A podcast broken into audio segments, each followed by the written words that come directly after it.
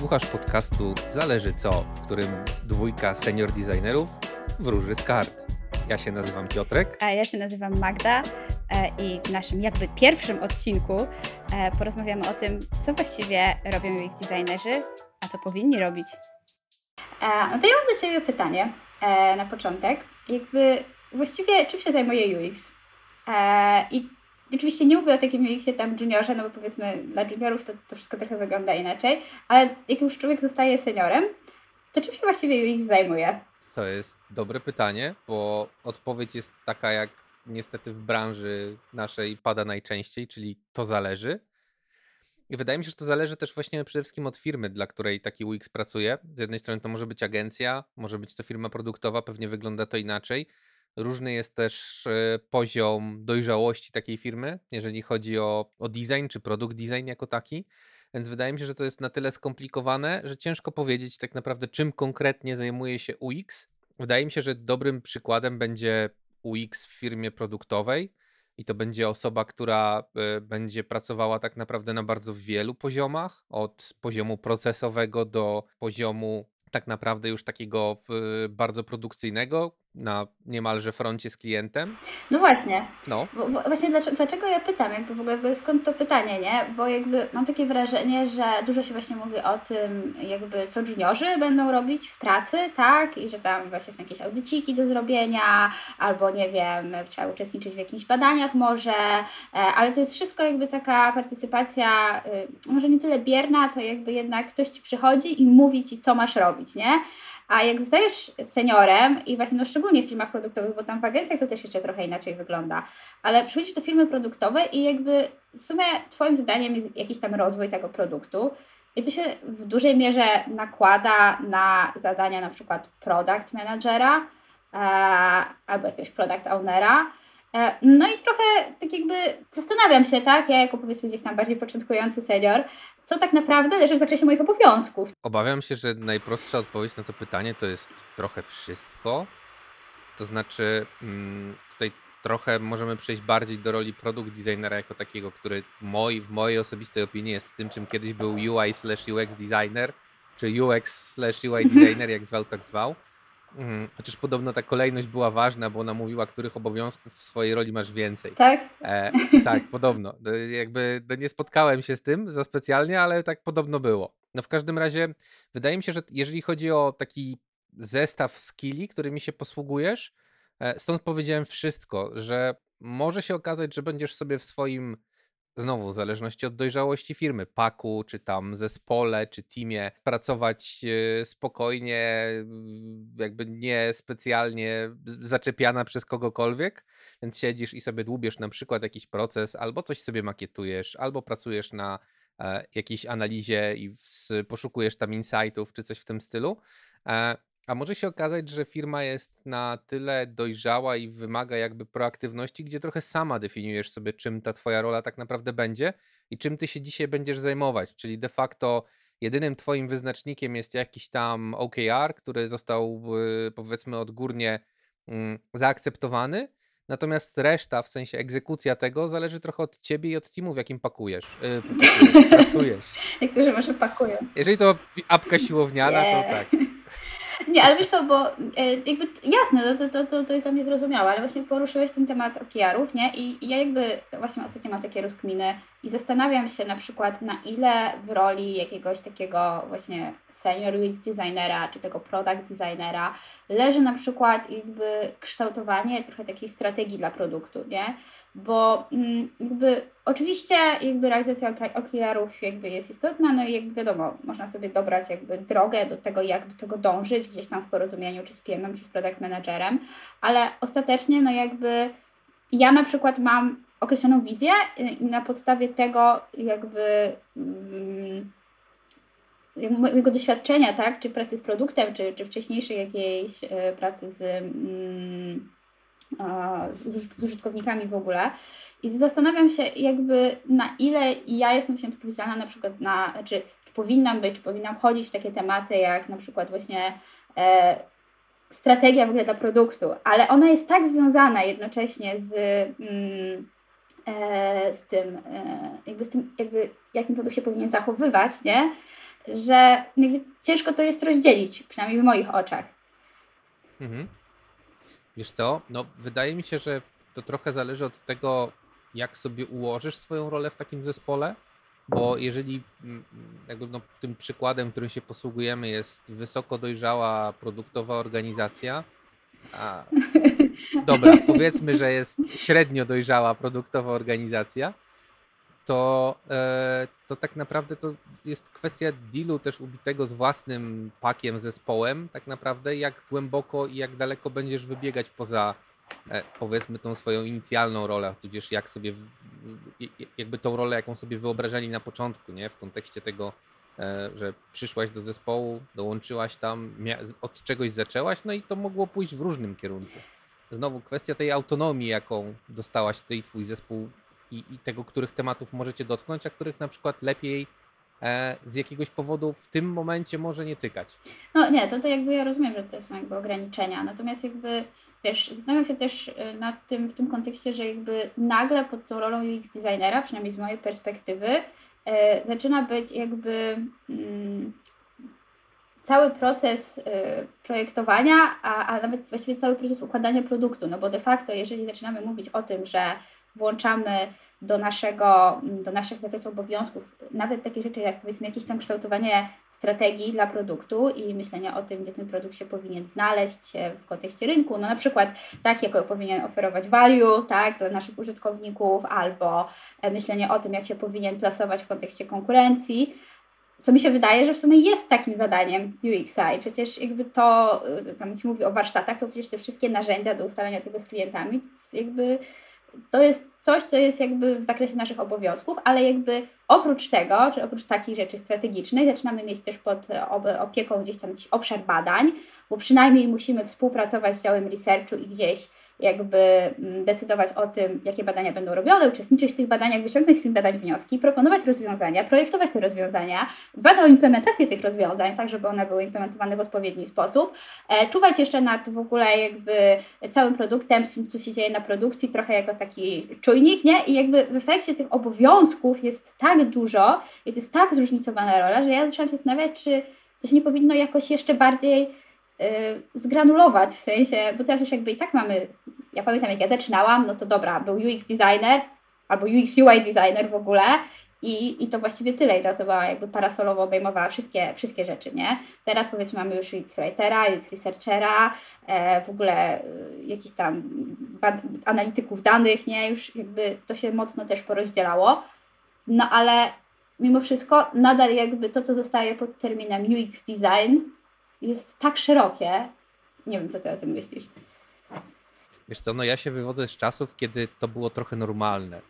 To znaczy, ja pamiętam kilka lat temu miałem taką, e, brałem udział w takim, takim, takim dribble meetupie, e, w którym głównym tematem było, czy e, jakby do dzisiaj to pamiętam, to było Jack of all trades of master of one. Ten, ju, przepraszam, że ci przerwę, ale ten unicorn, nie? Ja pamiętam to, że to tak było puszowane, a jeszcze, żeby najlepiej, żeby w ogóle jeszcze umiał kodować, nie? I na froncie zrobić to, znaczy, co zaprojektował. To wtedy jest... Tak, to już, to, to już inna dyskusja, nie? Czy designer powinien kodować, tudzież robić coś tam jeszcze i coś tam jeszcze.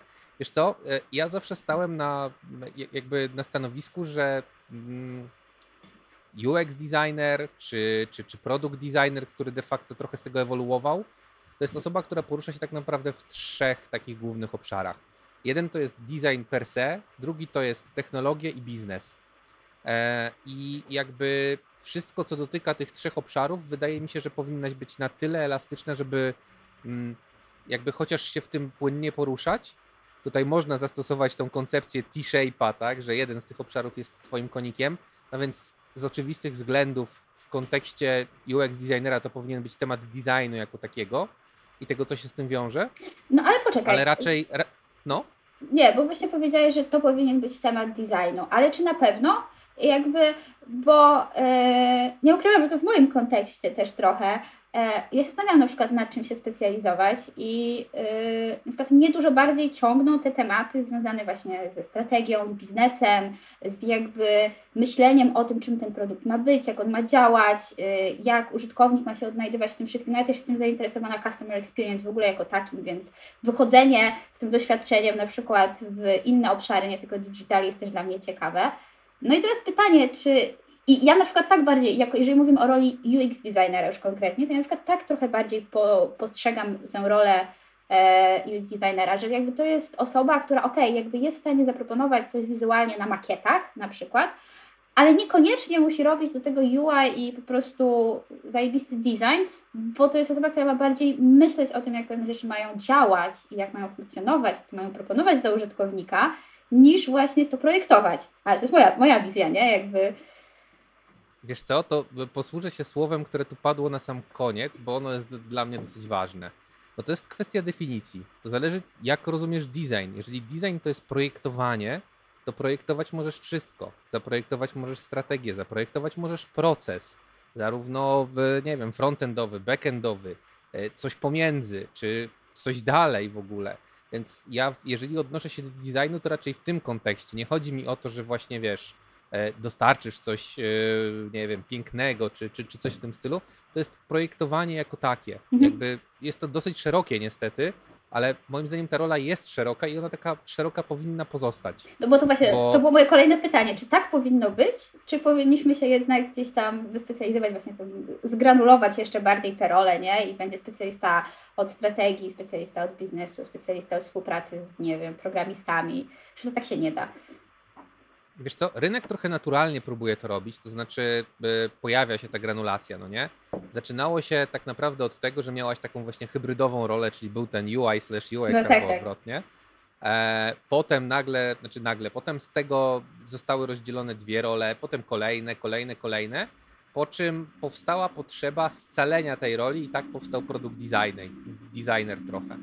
Więc teraz z kolei będziemy się pewnie zastanawiać nad tym, jak bardzo podzielić tą rolę i, i, i co, co z tym dalej zrobić. Czy powinien to być właśnie, nie wiem, e, produkt designer, ale tylko od tego. Tu się pojawiają z kolei role produkt e, design managera na przykład, czy, czy jakieś jeszcze wariacje na ten temat. E, szczerze mówiąc, wydaje mi się, że znaczy ja jestem stałem od początku po, po, po stronie bardziej takiego kogoś w typie unicorna. Mhm. To też wynika z tego, że mm, jakby klienci, z którymi mi się zdarza pracować, mhm. e, jakby ich środowisko jest raczej dojrzałe. Powiedzmy, że w tej górnej, średniej dojrzałości, jeżeli chodzi o jakby tworzenie produktów. Mhm. E, I w sytuacji, w której jakby zespoły, które tam pracują, one dostają dużą autonomię, e, tak naprawdę w tym zespole może wydarzyć się dużo różnych rzeczy. To znaczy, może się zdarzyć, że na przykład, nie wiem, nie będzie w nim researchera, albo był, ale już nie ma. Eee, więc ale no, czy to jest wtedy jakby... dojrzała rzeczywiście organizacja, tak? Właśnie po prostu zdefiniujmy sobie, co to znaczy organizacja dojrzała UX-owo jeszcze.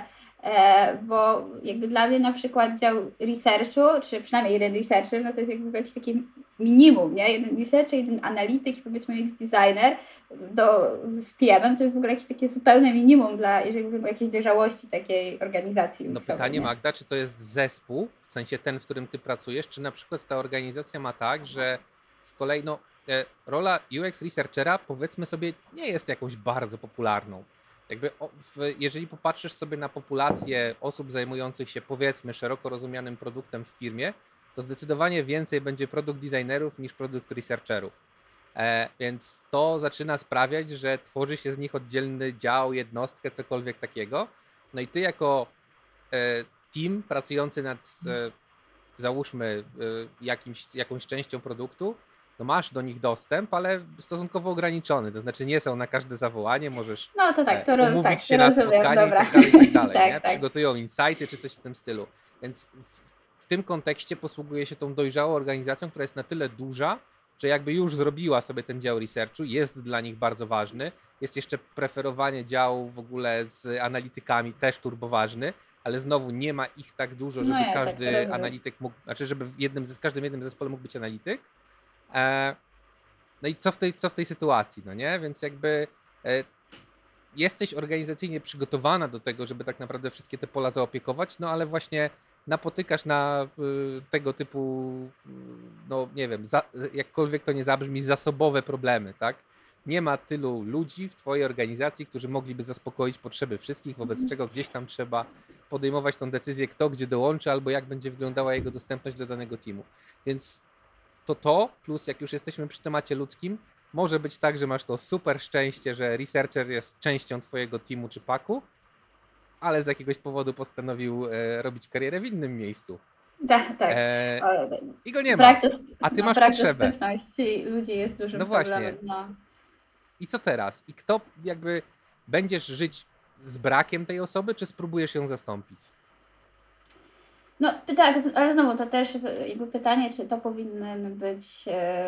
No bo jakby zgadzam się z tym, że w ogóle jest niedosyt ludzi na rynku, tak? I to czuć jakby y, zarówno w rolach y, researcherowych, analitycznych, programistycznych, czy już nawet nie mówię, nie? E, I to czuć bardzo, że ciężko jest jakby rekrutować tych ludzi i utrzymać ich też, nie? E, ale pytanie, czy to powinien być e, problem, który jest rozwiązywany przez UX designera, na którego się tak trochę wszystko spycha i to jest taka osoba, wiesz, od wszystkiego, e, czy to jest jakby problem, który powinny organizacje rozwiązać, czy też no jakby miejmy nadzieję w przyszłości rozwiąże rynek, no bo będzie stanie i w końcu ci ludzie się pojawią gdzieś tam. Bo ja na przykład... No i to jest... No, mhm. no mów, mów. Wiesz co, to, to, to, to do tej części się odniosę. Wiesz co, to jest bardzo dobre pytanie, bo to zależy od osoby, tak bym powiedział. To znaczy, jak jesteś kimś, kto jest, kto, kto nie wiem, podchodzi do rzeczy reaktywnie, e, no to poczekasz, aż e, sprawa zostanie w jakiś tam sposób załatwiona, licząc na to, że właśnie ta mądra, dojrzała firma będzie sobie w stanie poradzić e, no, w sytuacji, w której jesteś. A jak jesteś bardziej proaktywną osobą, no to to jest miejsce dla ciebie, żeby tak naprawdę no, trochę pokontrolować to środowisko, w którym się znalazłaś i właśnie, nie wiem, być może pchnąć je na właściwe tory, E, zaproponować jakąś, nie wiem, nową metodykę, czy, czy nie wiem, czy, czy świeższe podejście na przykład do tematu. E, to trochę, trochę chyba w ten sposób to działa, bo e, jakby oczywiście można liczyć na to, że ktoś podejmie decyzję za ciebie, bo to de facto do tego się sprowadza, ale istnieje ryzyko, że możesz być zajebiście rozczarowana tą decyzją. O, to nie wątpię. I co wtedy? Tylko, że wiesz, jakby drugą stroną moim zdaniem tego medalu jest to, że my jako UX designerzy próbujemy podejmować pewne decyzje, czy to właśnie dotyczące, nie wiem, strategii, kształtowania pewnego produktu. E, próbujemy nie być, ostatecznie próbujemy nie być makiecie, makieciarzami, nie? I nie przesuwać tylko tych kwadratów, ale jednocześnie nie mamy żadnej jakby y, władzy, nie wiem jak to nazwać, wiesz, jakby nikt nam nie daje takiego e, błogosławieństwa na podejmowanie tych decyzji. No bo jak jesteś product no to powiedzmy jesteś odpowiedzialny za ten produkt, no i jakby okej, okay, bierze się z tym jakaś odpowiedzialność, no ale jakby masz też pewną moc podejmowania decyzji. A od nas trochę wymaga się, e, czy też no jakby sami trochę na siebie nakładamy może właśnie e, to, że chcielibyśmy brać udział w tym, w tym procesie decyzyjnym, właśnie kształtowaniu produktów i, i jakby być szerzej mieć, nie? ale jakby jednocześnie nikt nie daje nam tak naprawdę władzy, żeby to robić realnie. I na przykład mi się jest trudno w tym odnaleźć. Bo ja, ja mhm. jak najbardziej, ja bym chciała jakby wychodzić z pewnymi rzeczami. Nie wiem, czy bym chciała prowadzić badania, bo to jest straszliwie czasochłodne. E, no ale pewnie jakby była potrzeba, to bym zrobiła. Natomiast e, jakby właśnie w tych tematach takich e, strategicznych fajnie by było brać udział, nie? Tylko, że jakby de facto no nie mamy takiego, takiej opcji, w sensie jak ja powiem, że zróbmy to, zróbmy taką strategię, no to nikt mnie nie do końca nikt mnie nie posłucha, nie? nie wiem, czy wiesz, o co mi chodzi. Tak, znaczy rozumiem. Wiesz co, ja wychodzę z założenia, że to jest trochę tak, że pewne rzeczy można sobie e, wychodzić. W sensie czasem jest tak, że żeby dostać zaproszenie do stołu, trzeba wcześniej udowodnić, że zasługujesz z góry na miejsce przy danym stole. E, więc e, jakby no, moje podejście to jest po pierwsze kwestionowanie tego status quo i wyrobienie sobie takiej pozycji trochę w organizacji, w której jesteś, żebyś mogła to robić tak naprawdę. E, a potem tak na, potem jakby challenge'ować to, więc jakby próbować właśnie, e, właśnie jakby wrzucać do agendy kolejne tematy, tak, dotyczące właśnie bardziej części strategicznej. To jest też tak, że im bardziej jesteś doświadczoną osobą, im lepiej sobie ułożysz przede wszystkim relacje, e, bo jakby moje też przekonanie jest takie, że zdecydowana większość naszej, naszej pracy to jest tak naprawdę e, zapewnienie płynnej komunikacji. I tak. tym rozumiem? Rozumiem wszystko. Tak, ja się z tym e... zgadzam tak bardzo. Więc właśnie z tej komunikacji wynika też to właśnie, jak sobie ułożysz relacje z poszczególnymi stakeholderami. Czy mm, taki stakeholder, który podejmuje decyzję, e, będzie cię słuchał, czy będzie brał twoje zdanie pod uwagę, czy nie no to wszystko zależy od tego tak naprawdę, od też y, pewnego zaufania, którym ten człowiek musi cię lub nie obdarzyć. Więc wydaje mi się, że to różni mm,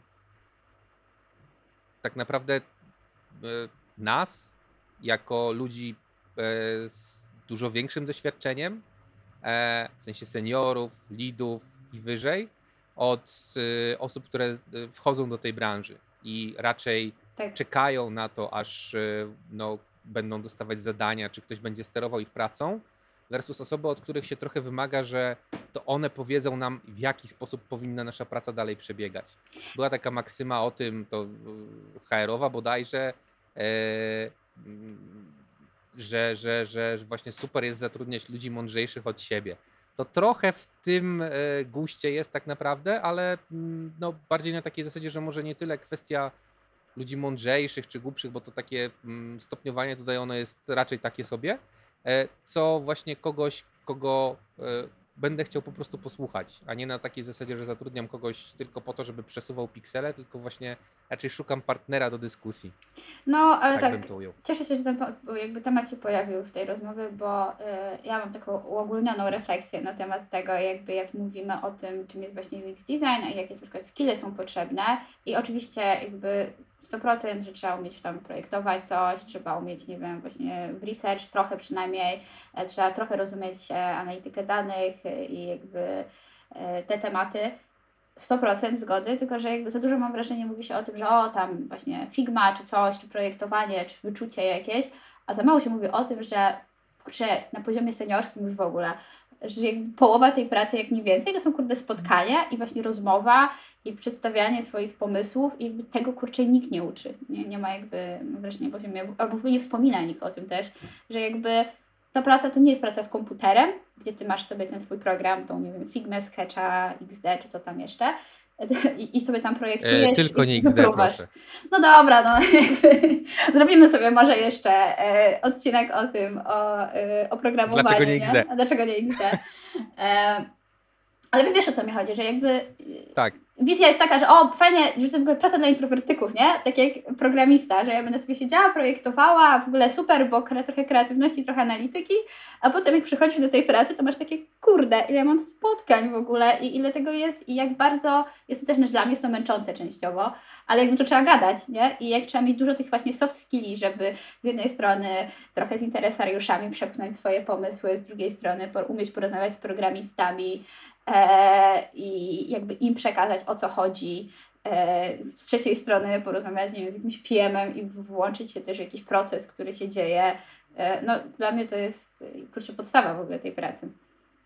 Tak, wiesz co? E, powiem ci, że no, to, to, to, tak trochę wspomniałaś, nie? Figma i tak dalej. Jakby to są wszystko bardzo e, chodliwe, modne hasła trochę hashtagi, pod którymi ludzie szukają tak naprawdę więcej informacji na temat y, tej branży i mhm. tego, jakie skille właśnie powinni nabyć.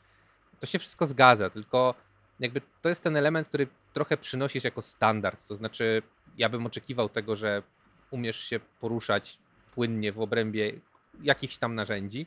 No, może mm. być Figma, może być Sketch, może być XD. E, Axure jeszcze. Jest jeszcze Axure, też jest ok. To jest jakby tool, nie? Ale jakby to, co dla tak, mnie jest tak. najważniejsze, co ty przynosisz na stół, to jest przede wszystkim właśnie cała ta miękka otoczka, to w jaki sposób jesteś w stanie e, przekazać swój, swój, swój tok rozumowania, twój warsztat, jak, jak myślisz, jak podchodzisz do rozwiązywania problemów, e, jak się komunikujesz. To też dlatego ja, jeżeli biorę udział w rekrutacji designerów, stawiam przede wszystkim na Whiteboard Challenge i E, jakby to zadanie, ono nie tyle pokazuje mi, jakie y, ładne rzeczy potrafisz zrobić, bo zazwyczaj nie dochodzimy do etapu ładne, e, ale właśnie jak myślisz, jak się komunikujesz, jak mną jako swoim stakeholderem zarządzasz. Ja tak, też no. wymagam zarządzania. O, Możesz to tego... najbardziej, moim zdaniem. Zarządzanie stakeholderami to jest kluczowe, kluczowa rzecz w pracy UX designera. Dokładnie, ale wiesz, jak tego nie robisz, to ktoś inny to zrobi, albo co gorsza, zrobi to sobie to sam. Sam, tak, tak, właśnie chciałam to powiedzieć, że najgorzej jest jak sam. E, dobra, no może nie ten, jakby klienci są ważni. Ja też w ogóle popełniłam kiedyś taki artykuł z frustracji wynikający, że właśnie jakby ale to, to też jest jakby problem moim zdaniem i to jest problem też na seniorskich pozycjach, że jakby mm, ludzie mają taki bardzo nie wiem jak to nazwać, y, z góry stosunek do stakeholderów i do klientów swoich, że no to są zawsze ludzie, którzy się nie znają na designie, my jesteśmy tutaj ekspertami i jakby ciężko jest budować taką wspólną relację w momencie, kiedy masz taki stosunek, że ktoś tam, wiesz, podsyłać, nie wiem, no już to przysłowiowe logo w Wordzie e, i ty nie masz takiego, okej, okay, to może trzeba tę osobę wyedukować i wyjaśnić, dlaczego problem i jakby co się dzieje, tylko jakby y, masz takie, o ja pierdolę, przepraszam, powinienem cię wypikać, ale e, znowu... Możemy nie wypikać, ja nie wiem jak to, jak, jak to w rezultacie zadziała, ale jakby o ja pierdolę jest dobrym, dobrym podejściem, bo jakby zdarza się, jakby No tylko, że momenty. wiesz, ja się zgadzam, tylko że my właśnie powinniśmy jakby mieć w sobie zakorzenione to, że jakby musimy tych stakeholderów wciągać do pracy i jakby, no ja mam taki projekt w mojej pamięci, gdzie właśnie jakby, gdyby nie to, że jakby włączani byli ci stakeholderowie e, przeze mnie, niestety od początku jakby projekt, kiedy ja do niego przyszłam, e, właśnie w prace projektowe, to po prostu to by z tego wyszedł taki koszmar, bo jakby oni też mają sporo wiedzy na temat tego, na przykład jak działa to wszystko tam backendowo i co jest możliwe trochę, a co nie z perspektywy takiej może biznesowej e, i jakby pozostawiając ich poza jakby procesem projektowym, jakby prosimy się tylko o to, żeby był problem na koniec, nie? E, mhm. A podejście moim zdaniem w wielu przypadkach jest właśnie takie, że jestem ekspertem i jakby no nie ma takiego właśnie budowania relacji, ale też jakby rozumiem trochę skąd to wynika, bo łatwiej jest kogoś nauczyć obsługi Figmy, no bo mu pokażesz, tu klikasz kwadrat, tu klikasz kółko, a tu klikasz, to się wiesz, interakcja zrobi. Tego jest łatwiej nauczyć, e, czy łatwiej jest nauczyć jak robić nawet badania, niż jakby przekazać właśnie te wszystkie miękkie skille związane z tym, ok, to teraz wiesz, tu musisz uważać e, i odpowiednio formułować myśli, żeby z jednej strony przekazać, co ci chodzi, z drugiej strony nie za bardzo sprawić, że sytuacja jest negatywna. Ja się tylko tak długo uczyłam, bo pamiętam, że jak przyszłam, jak byłam juniorem, to byłam taka w walce ich rozjechać, nie? Pokazać wszystko, co jest złe w tym produkcie, też w agencji, nie? I jakby pokazać wszystko, co jest złe i jakby niech oni widzą. A potem jakby yy, zdałam sobie sprawę, że to nie działa, bo się ludzie wtedy najeżdżają. I jakby jest wiele takich rzeczy, które, no mówię, ciężko jest tego nauczyć. Jakby rozumiem, dlaczego się o tym trochę nie mówi, ale z drugiej strony szkoda, bo moim zdaniem jakby czasami e, możesz mniej umieć projektować, ale na przykład narysować pomysł, tak? E, ale jak umiesz go przekazać, to on się ostatecznie stanie, nie? Tylko musisz go przekazać wszystkim po kolei, tak? Przekonać do niego interesariuszy, przekonać do niego programistów i, i tak dalej. E, i jak Wiesz, umiesz to, to zrobić, to możesz nawet nie robić makiet, nie? Mhm. Makieta jest po prostu takim prostym sposobem komunikacji tego, co masz w głowie, ale ostatecznie jakby moim zdaniem nie jest konieczna, nie? Jak masz na przykład dobre skille komunikacyjne i dobry układ z programistami, to pewne rzeczy można pominąć ten etap makiet i po prostu im wyjaśnić, co chcesz osiągnąć i oni to zrobią. Szczególnie jak jest design system. 100% tak Magda, no to jest, ta, ta relacja opiera się na zaufaniu, tak? Jakby jedna strona ufa drugiej, że zrobi to tak, jak się umówiliśmy. Ale bo poruszyłaś tutaj kilka kwestii i ja się do nich odniosę może po kolei. E, bo y, wspomniałaś o tym właśnie, że to są te wszystkie skille miękkie, że bardzo dużo czasu zajmuje nauczenie się ich. Tak, to prawda i moim zdaniem to jest ok. W sensie to tak powinno wyglądać. To jest tak, że będziesz się mhm. uczyć na e, swoich własnych potknięciach, e, co mogłem, mogłam powiedzieć inaczej, jak można było inaczej coś sformułować, albo właśnie, nie wiem, zraziłem do siebie kogoś, kto na początku był do mnie neutralny, czy coś w tym stylu. Jakby to jest turbo ważne. Co ciekawe, mm, znaczy ciekawostką się może podzielę na koniec tego wywodu, e, z taką prawdziwą ciekawostką, ciekawostką, natomiast mam jedną obserwację taką, którą chętnie bym tutaj wrzucił. E, jak jeszcze Clubhouse e, święcił triumfy, zwłaszcza w Polsce, pamiętam, że dołączyłem, moment. tak był, zdecydowanie, dołączyłem do takiej, do takiej dyskusji, w której właśnie mm, seniorzy dyskutowali o tym, jak bardzo to zły jest biznes, jak bardzo o nich nie słucha, a oni są ekspertami przecież i tak dalej, i tak dalej. Tak, to jest to, o czym mówiłam właśnie. No, ale to jest tak straszne podejście moim zdaniem, że jakby gorzej być nie może. Czyli mhm. jeżeli żyjesz w tej swojej takiej bań, bańce zajebistości i wydaje ci się, że ty jesteś jedynym łącznikiem pomiędzy klientem e, a jakby resztą firmy produktu, jesteś taka wyjątkowa w tym procesie. Tymczasem może tak kiedyś było, jak UX wchodził pod strzechy, nie? I rzeczywiście było tak, że przynosiłoś ten kontekst klienta. Tak teraz dostęp do tego klienta, do danych o kliencie, do jego zachowań, jakby jest w zasadzie nieograniczony. Każdy w firmie, jeżeli ma ochotę, to może go mieć. Powinien. Więc... Każdy w firmie, Albo... przynajmniej w niektórych działach, powinien być tym zainteresowany, nie? Tak, ale bardziej chodzi mi o to, że nie potrzebujesz już takiego proxy, jakim jest ten UX designer, żeby on ci przyniósł tą jedyną prawdę o użytkowniku, tylko na podstawie różnych danych, które możesz pozyskać własnoręcznie od różnych jednostek w firmie, możesz tak naprawdę e, no, zebrać sobie e, jakieś takie e, z angielska overview tak naprawdę swojego klienta. Więc budowanie wokół siebie tej aury zajebistości moim zdaniem jest najgorsze, co można zrobić, bo to przede wszystkim psuje komunikację. Jeżeli tak. na takim jednym spotkaniu spotka się czterech ekspertów, każdy będzie siedział z założonymi rękoma i obstawał przy swoim, obawiam się, że się nie dogadają. E, I po pierwsze zmarnują mnóstwo czasu, po drugie ten czas kosztuje, no bo godzina każdej z tych osób raczej nie będzie tania i wyjdą z niczym. Więc jakby bez tej płaszczyzny porozumienia cała ta nasza praca ona po prostu nie ma sensu. No i teraz w kontekście tej super hiper ciekawostki. E, ładnych parę lat temu, i to naprawdę było parę lat temu, tak z siedem, e, rozmawiałem z mm, jedną osobą, która w, wtedy E, akurat rekrutowała mnie do jednej, jednej firmy e, i spytałem, e, jakich osób on szuka. I jakby odpowiedź, którą słyszałem, była taka, że wiesz co, nie szukam ludzi po modnych kierunkach typu psychologia, tudzież SWPS, tudzież jakieś projektowanie, czy, czy, czy historia Human sztuki. Computer Interaction czy coś w tym stylu dokładnie, tylko szukam ludzi na przykład po dziennikarstwie czy innych e, kierunkach związanych z komunikacją, bo w pracy, jaką wykonuję, a był to, znaczy była to firma, która zajmuje się przede wszystkim dostarczaniem rozwiązań dla branży fintech i banków, e, najważniejsza jest ta komunikacja, zebranie różnych stakeholderów, często do siebie mhm. nastawionych negatywnie w jednym miejscu i zapewnienie im platformy komunikacyjnej, bo oni mają Jeszcze zrozumienie o co im chodzi, nie? Bo to też tak. jest jakby tak albo żeby, że musisz słuchać. Dokładnie, albo żeby sami też siebie posłuchali i postarali się zrozumieć, ewentualnie tak. skorygowali pewne rzeczy.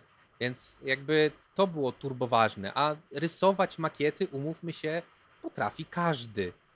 Jakby no, ten tak, skill tak. nie jest super trudny. Natomiast jakby ułożenie pewnego ciągu logicznego, czy właśnie, nie wiem, zastosowanie jakiegoś frameworku, czy czegoś takiego, to już jest ten, ten, ten element tej wiedzy, którą ty tutaj wykorzystasz.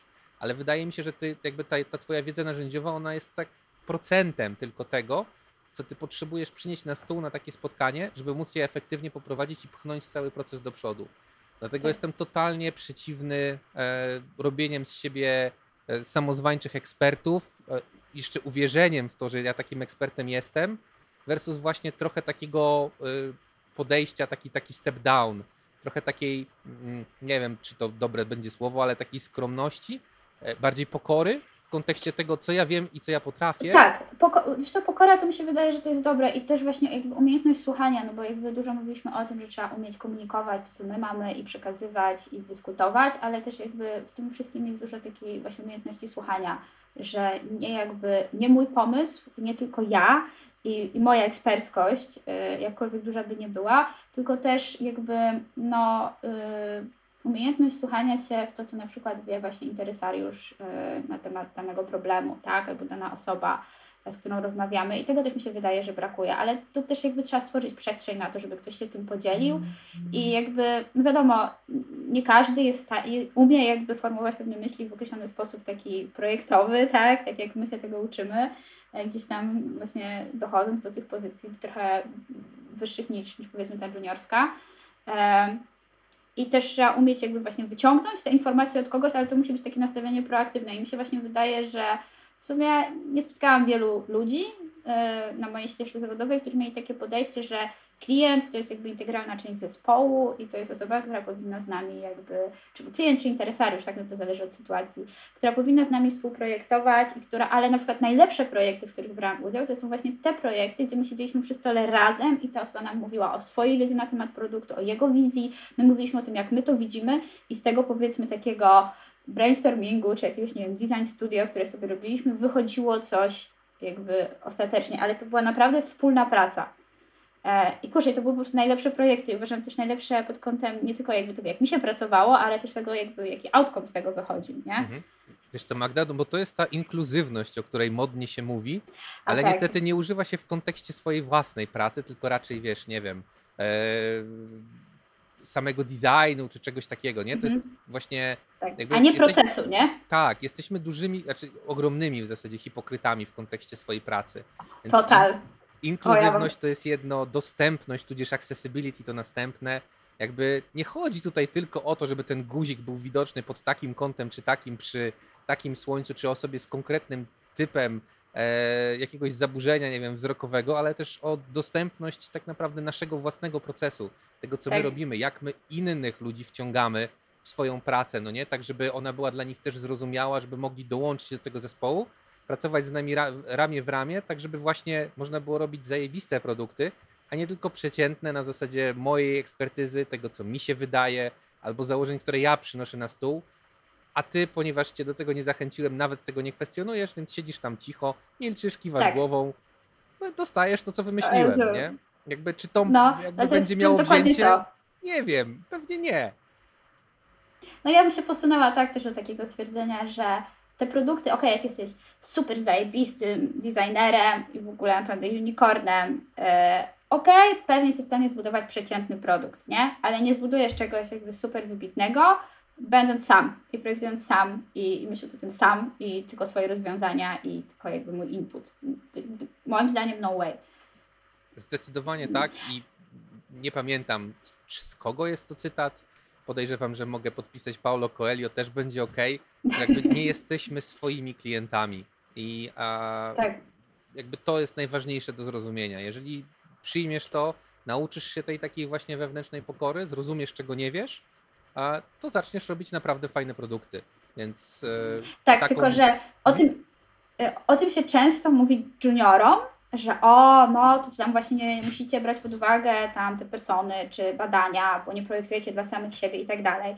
Ale gdzieś tak na etapie mida jest taki moment, że człowiek o tym zapomina i to wsysa czarna dziura i jakby już teraz jestem zajebistym midem, seniorem i jakby teraz to ja już wiem, Wiem lepiej, Właśnie, nie? Wiesz co, to jest takie zerwanie się z łańcucha trochę, no nie? Wcześniej ci tak, każą, tak. musisz to robić, teraz już jakby już masz tę autonomię, wobec czego możesz to pominąć. To jest ok, tak. Tylko jeżeli dokładnie wiesz, co robisz i jaki będzie z tego outcome. Tak samo e, znowu możemy się e, odnieść w ogóle do prehistorii. E, ja bardzo lubię grzebać w prehistorii i do tego E, jakby skąd w ogóle ta digitalowa część naszej pracy się wywodzi, czyli z tego jak dawniej, nie wiem, składano i łamano gazety czy książki.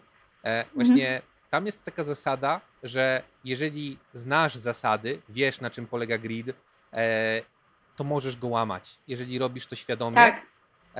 Natomiast jeżeli nieświadomie go łamiesz, no to with all due respect, jest to głupie po prostu. Także tu wydaje mi się, że jakby jest to aplikowalne tutaj, nie? Jeżeli pomijasz jakąś część procesu e, i wiesz dokładnie, dlaczego to robisz, jakie będą konsekwencje, to jest w porządku. Natomiast jeżeli to jest na zasadzie takiego wewnętrznego buntu, nie? Dobra, już e, awansowałem, nie muszę z tego wszystkiego słuchać, e, czy cokolwiek w tym stylu i teraz nie będę tego robił, średnio mądre. Więc nie no polecam no, tak. takiego podejścia na pewno. E, i w sumie, w sumie tyle. No, kiedyś zdarzyło nam się dyskutować o, o tym, jak w procesie projektowym e, powinny być umiejscowione low-fi na przykład, albo, albo midfi. No. No jakby, jeżeli w, w, moim procesie zazwyczaj nie istnieją, to znaczy low-fi to jest w większości e, jakiś szkic na kiedyś na whiteboardzie, teraz na Miro, a dalej to już są gotowe widoki. Nie? Tylko, że właśnie wcześniej zgodziliśmy się ze stakeholderami, ubiliśmy pewien pakt, że ten low-fi nam wystarczy, że przy tej okazji porozmawiamy o różnych rzeczach, każdy zabierze e, to, czego się tutaj dowiedział do swojego zespołu, przegada to z nim, przyniesie wątpliwości na następne spotkanie i dzięki temu możemy pominąć wszystkie następne etapy i po prostu przygotowywać gotowe widoki, bo już dokładnie wiemy, co będziemy robić. E, I tak, to, to jest, jest ok to, to jest właśnie też in, inny jakby aspekt tego, bo ja na przykład teraz prowadzę zajęcia y, na tym kursie dla, dla początkujących osób, też jakby myślę sobie o tym, jak uczyć w ogóle o procesie projektowym, nie? że właśnie jakby to nie jest tak, że to wszystko musisz zrobić, tak? Że musisz przejść od samego początku do samego końca i wszystkie te etapy przejdziesz. E, Okej, okay, pewnie to jest jakiś taki wyidealizowany case, ale tak naprawdę jest de facto set narzędzi, które ty musisz jakby znać na tyle, żeby je świadomie zastosować, tak? I wtedy, kiedy jest potrzebne lowfiki i kiedy jest to potrzebne, to, to wtedy to stosujesz, a kiedy to nie jest potrzebne, to po prostu jedziesz i robisz od razu UI, jak, jakby, jak jest zdarza taka sytuacja. A mi się wydaje, że czasami takie stwierdzenia wywołują takie straszne oburzenie i że jak to i w ogóle. A moim zdaniem, kurde, to właśnie wszystko zależy od sytuacji i od projektu, w którym pracujesz i też od Twoich skilli e, na ile jesteś świadomy, tak, i umiesz pewne rzeczy od razu narysować, nie? Ja na przykład nie zawsze, ale wiem, że Ty tak pracujesz i jakby w porządku, jakby jeżeli masz taką, na tyle zdyscyplinowany i na tyle masz duże doświadczenie, no to właśnie okej. Okay. E, natomiast to, do czego zmierzam, no właśnie, że to są wszystko jakby narzędzia, z których możemy korzystać, e, tylko że musimy jakby korzystać z nich w sposób świadomy. Tak, nie? 100% tak. I wiesz, to też, żeby było jasne, ja nie mam problemu z tym, żeby na przykład, jeżeli ta metoda jest nieskuteczna, zrobić kilka kroków wstecz. Jakby korona mi z głowy nie spadnie, może dlatego, że jej po prostu nie noszę, niepraktycznie na co dzień. E, I e, dołożyć jakiś etap, jeżeli czuję, że to rozwiązanie nam nie pracuje, nie? albo właśnie zrobić jeszcze kilka kroków wstecz, jeżeli coś nam po prostu w komunikacyjnie siada. Ale jakby jeżeli dbamy o to, żeby przede wszystkim ta ścieżka, więc komunikacja, ona była przejezdna, że się tak wyrażę, to wszystko będzie no tak. ok. Ale to wiesz, do, żeby zrobić coś takiego, żeby powiedzieć, słuchajcie, jakby to, co żeśmy sobie ustalili, czy to, co ja zaproponowałam, nie działa, musimy się cofnąć dwa czy trzy kroki i zrobić coś od nowa, to też trzeba mieć taką cywilną odwagę, żeby to powiedzieć, nie? E, I no, też w sumie jakby nie dziwię się, bo ja też mam takie problemy, w sensie, że czuję się niepewna, nie? Jakby imposter, imposter syndrome match e, i jakby ale właśnie na tym może też polega dojrzałość, że jakby okej, okay, to, że popełniłem błąd nie wpływa na to, że przestaję być ekspertem, nie? Jakby, I to też jest kwestia zaufania pomiędzy tym moim klientem, nie? Że jest to przestrzeń na popełnianie błędów po obu stronach. E, no ale właśnie, wydaje mi się, że często jest ciężko się przyznać do tego, szczególnie właśnie jak jesteś seniorem, bo wtedy to jeszcze musisz bronić tego swojego poczucia seniorskości, czy tej swojej jakby, nie wiem, no reputacji, zwał jak zwał. E, I, I wiesz, jakby nie ma, nie mogę się cofnąć, bo jakby jak powiedziałam kiedykolwiek, że zrobiłem coś źle, no to to już jest w ogóle, wiesz, koniec y, mojej reputacji. I mi się wydaje, że to też jest trochę taki problem. Wiesz co, na pewno jest, ale wydaje mi się, że mm, znowu to jest kwestia twojego respondenta, ale ktoś, kto też jest dojrzały i trochę czasu już spędził tak naprawdę w branży, tym bardziej to doceni bo spotkał już niejedną, niejednego projektanta, który właśnie bardzo obstawiał przy swoim, a nie miał racji na koniec dnia. Tak, no. Nie potrafił się do tego przyznać i przez to no, relacja się potoczyła tak, jak się potoczyła. Więc to nie jest żadną ujmą na honorze, że powiesz, że ej, I fucked up. E, jakby to jest w porządku. E, nie w porządku jest, jeżeli nie uczysz się na tych błędach. Natomiast tak, jeżeli tak. popełniasz nowe, wyciągasz z tego wnioski, komunikujesz to klarownie, to jakby robisz też przestrzeń innym do tego, że mogą trochę odważniej próbować robić pewne rzeczy, bo wiedzą, że ich błędy nie będą tak. penalizowane. Dokładnie to, że jakby masz tą przestrzeń na popełnianie błędów, więc jesteś w stanie podjąć ryzyko, e, żeby zrobić, nie wiem, coś innego, innowacyjnego, coś, co wydaje się początkowo jakimś takim szalonym pomysłem, nie? Ale jak nie ma tej przestrzeni, to tego nie zrobisz, bo to będzie takie tylko bezpieczne zachowania, które przynajmniej w, w, Twoich oczach, tak, wydają się być bezpieczne. Czy one są rzeczywiście bezpieczne, to jest w ogóle inny temat, nie? Tak. Ale tak, tak.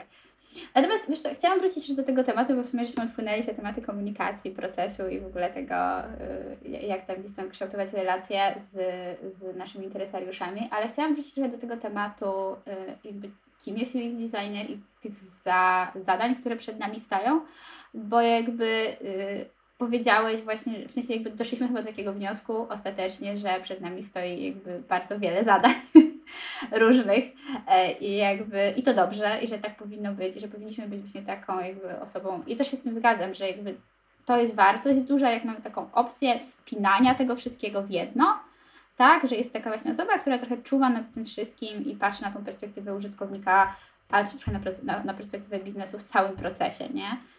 ale z drugiej strony, czy to nie jest za dużo? Czy to nie jest jakby za dużo na jedną osobę i jakby w efekcie żadne z tych pól nie będzie dobrze zaadresowane? To jest bardzo dobre pytanie. Odpowiedź już znasz, to zależy. Zależy od osoby. Wiesz co? Ja już wiem, jak nazwiemy nasz podcast, to zależy. To jest bardzo dobry pomysł. E, powiem ci, że to jest też tak, że pewne rzeczy można delegować, pewnymi rzeczami można się dzielić, e, ale budując taką właśnie inkluzywną platformę, na której możemy się komunikować, jest łatwiej tym zarządzić. Więc każdy może też e, transparentnie powiedzieć, w których obszarach czuje się mocniejszy, w których słabszy. I tak możemy się tymi zadaniami dzielić, żeby każdy wykonywał te, w których po prostu jest najlepszy i dowiezie najwyższą wartość. Więc wydaje no, mi się, że to jest to generalnie, nie? W sensie te, powinnaś móc się od, odnaleźć w każdej roli, ale oczywiście będą te, w których będziesz y, czuć się najlepiej, e, będziesz się najlepiej rozumieć, czy będziesz miała najwięcej doświadczenia i najwięcej wniesiesz od siebie. To też jest kwestia tego, w jakim setupie pracujesz. No jeżeli jesteś jedynym designerem, to odpowiedź jest, narzuca się sama. Tak, no tak musisz no robić jest... wszystko, bo nie będzie nikogo innego. A, natomiast jeżeli masz trochę większy zespół, no to tak naprawdę można się tymi e, poszczególnymi obowiązkami podzielić i, i tak naprawdę w ten sposób jako team e, pracować, dowozić. E, znowu bez jakby samozwańczych nie wiem, gwiazd czy czegoś takiego, tylko no tak. z tą taką pokorą, że no, to jest nasze, fajnie się tym podzieliliśmy, dobrze nam się pracuje, fajną mamy komunikację, E, bardzo, bardzo mm, taki sposób transparentny, nie wiem, myślimy, e, no i to po prostu działa. Więc e, wydaje mi się, że to tak. Natomiast wymyśliłem odpowiedź na Twoje pytanie krótszą niż 45 minut, przez które tutaj rozmawiamy. Wydaje mi się, że UX designer jest facylitatorem tego procesu. Boże, przepraszam, chciałam to powiedzieć, właśnie chciałam powiedzieć, że jakby fajnie, że liczyłam na tą odpowiedź, że właśnie jakby de facto ty musisz jakby wyciągać od ludzi y, ich najlepsze skille i jakby tworzyć ten zespół, który jakby kontrybuje, a ty powiedzmy jesteś właśnie takim facylitatorem, dokładnie to chciałam powiedzieć. E, to ciekawe, bo no właśnie, ale y, ja się z tym 100% zgadzam, bo też jakby obserwuję to u siebie w pracy, że de facto ja gdzieś tam spinam bardzo dużo różnych rzeczy, tematów, one przechodzą przeze mnie, ale niekoniecznie do wszystkich z nich przykładam tak rękę, natomiast jakby ja muszę wiedzieć o wielu rzeczach, żeby ostatecznie móc powiedzieć, ok, tu na przykład potrzebuję jeszcze researchu, to potrzebuję jakichś danych, a tu ok, sama muszę coś zaprojektować na tej podstawie na przykład, a tu z drugiej strony muszę coś przekazać programistom. Także no tak, to prawda, jesteśmy takim, mam wrażenie, taką, e, takim procesorem, którego spływają informacje, my to wszystko przetwarzamy, potem wypluwamy, ale niekoniecznie jakby wypluwamy już jakieś deliverables, tylko czasami też jakby... Coś pośredniego, kolejne, tak. Tak, ko kolejne tematy, które trzeba opracować, zrobić. No, totalnie się z tym zgadzam. To, to, to A... tak właśnie jest. Jeszcze jedną fajną rzecz powiedziałaś, która mi się mega spodobała, czyli to, że mm, pewne rzeczy tam no, literalnie, nie wiem, olewasz na przykład ale dopóki robisz to świadomie i wiesz, co olewasz i ile cię to będzie kosztować na końcu, to wszystko jest w porządku, moim zdaniem. No tak, tak, tak, tak. Zgadzam się. E, no dobra, a to w takim razie, bo e, jakby zacząłem się zastanawiać, czy w takim razie jakby będzie taki moment w przyszłości, już trochę myśląc o tym, jak przyszłościowo ta rola designera będzie się rozwijała, UX designera czy product designera się będzie rozwijać, to y, Myślisz, że będzie taki moment, że właśnie UX stanie się bardziej taką rolą zarządczo-dystrybucyjną, takim, nie wiem, właśnie product managerem, że te role się scalą, czy to raczej nie ten kierunek jednak? Wiesz co, e, dobre pytanie. Wydaje mi się, że historycznie na to patrząc, to scali się to w jakiś sposób, ale jak ta rola się będzie nazywać, co ona dokładnie będzie robić i co będzie obejmować, nie mam w tym momencie pojęcia. Natomiast to jest dosyć płynne, bo co ci odróżnia od menadżera? Czy to jest tak, że jakby masz mniej tej pracy hands-on, czy nie masz jej w ogóle? E... Moim zdaniem autorytet właśnie, to jest to, o czym ja wspominałam, że jakby product manager ma więcej jakby tej takiej władzy w ręku, decyzyjności. O, szukałam tego słowa przez ostatnie 45 minut. Decyzyjności ma więcej u siebie, pod sobą, a UX nie. I teraz zastanawiam się, czy to będzie taki shift na to, że właśnie to UX będzie tym product managerem, czy ludzie z backgroundem UX-owym będą product managerami bardziej i jakby właśnie ten y, user first y, w organizacji to będzie właśnie przez to, że po prostu UX zaczną, zaczną mieć więcej decyzyjności i w związku z tym jakby będą w stanie lepiej kształtować te procesy, lepiej kształtować produkt, nie tylko poprzez design, ale też poprzez właśnie układanie całego procesu wewnątrz organizacji. Wiesz co, tego bym sobie trochę życzył. To znaczy, ja też akceptuję to, że ludzie mają taką wewnętrzną potrzebę e, nazywania wszelkich rzeczy, nie? Jakby mm, w jakiś sposób wykazujesz jakąś odrębność od reguły, no, no, to, no to nazwijmy to jakoś, nie? To będzie w takim razie teraz mhm. to. E, I, e, a z kolei właśnie znowu wykazujesz tą odrębność w jakiejś innej dziedzinie, to teraz będziemy nazywać to w ten sposób. Natomiast generalnie ewolucyjnie pochodzimy z tego samego miejsca i wydaje mi się, że te same mm, pryncypia jakoś nam przyświecają. E, I dla mnie kwestia namingu w tym kontekście jest bardzo, bardzo wtórna, jeżeli w ogóle nie znajduje się gdzieś Te tam nazwy. nie wiadomo gdzie. Tak, dokładnie, nie? Nazwy stanowisk czasami są tak egzotyczne, nie? Jakby Właśnie- ciężko się zorientować Tak, po jest- nazwie, co robiłeś de facto w fajne, robocie. takie, wiesz, egzotyczne wakacje. Mi też miło na to popatrzeć, ale czy chciałbym tam mieszkać przez cały czas? Niekoniecznie pewnie. E, więc tak samo z tą egzotyką nazewnictwa. Nie chciałbym się przyczynić, broń Boże, do tego, żeby właśnie dokładać kolejnych nazw, bo dla mnie to jest Nie. niepotrzebne. Strasznie się ucieszyłem, jak się pojawiła rola produkt designerów i przede wszystkim zakres tego, czym się zajmują, bo to jest centralnie to. Jakby jest mi łatwo powiedzieć o tym, jakich ludzi szukam, to znaczy bardzo krótko, więc jest to produkt designer, a dalej mówię o cechach, które powinny być u takiej osoby najsilniejsze, żebym mógł powiedzieć, że to jest osoba, z którą ja osobiście chcę pracować. Więc y, ja bym No. to tutaj zostawił. Jestem daleki od tej, te, tego takiego granulowania. E, tak jak mówię, nawet się ucieszyłem, że, że, że, że, że w pewnym momencie się to staliło. Teraz ze smutkiem patrzę na to, że znowu się na mniejsze elementy rozkłada, tak. E, ale rozumiem też skądś gdzieś tą potrzebę, nie? No bo to jest jakiś słowo klucz, jakiś hashtag, pod którym ty masz pewne wyobrażenia. Tylko właśnie lubię zacierać te granice pomiędzy różnymi wyobrażeniami. Wiesz co, zgadzam się z tym i tak e, może powoli kończąc, ja miałam jeszcze taką jakby y, finalną refleksję, że mm, jakby jest taki raport y, Normana Nielsena na temat tego, jak sobie PM-owie, product managerowie i UX designerzy wyobrażają ich zakres obowiązków. I generalnie w dużej mierze wszyscy uważają, w sensie to jest bardzo takie odwrotne, tak, że jakby product managerowie uważają, że ich jakby obowiązki, to jest to, co uważa, że UX jest ich obowiązkiem, się gdzieś tam mega nakłada.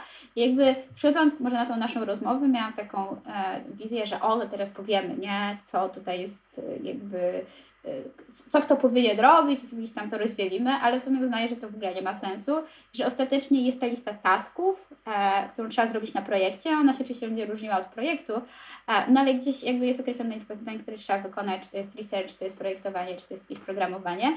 No i teraz fajnie jest, jeżeli jesteśmy w stanie stworzyć zespół, który to robi. Jak się podzielimy taskami wewnętrznie, co zrobi kto, mocno zależy właśnie od naszego setu skillów. E, a jakby, no właśnie, kluczowe jest to i też może jest to częściowo rola UX designera, a może przede wszystkim jego rola, żeby ten zespół w taki sposób jakby pchnąć, czy tak podzielić te taski trochę, e, e, czy zadbać o to, żeby były zrobione przez odpowiednie osoby, żeby ten projekt pchać do przodu. I że wszystkie etykietki e, dotyczące nas stanowisk, czy wszystkie etykietki dotyczące tego, czy się powinien, kto się powinien czym zajmować, nie mają żadnego znaczenia, bo ostatecznie jest ta lista tasków, trzeba ją zrobić, trzeba ją zrobić dobrze, nie? I myślę, że tą myślą możemy kończyć, bo jest to bardzo, bardzo dobre podsumowanie. Także chyba napisaliśmy trochę tą definicję, chociaż bardzo nie chcieliśmy przez ten cały czas, więc Tak, ostatecznie tak. Chociaż no, to jest taka definicja mocno to zależy. zgadza się. Jingle out, nie?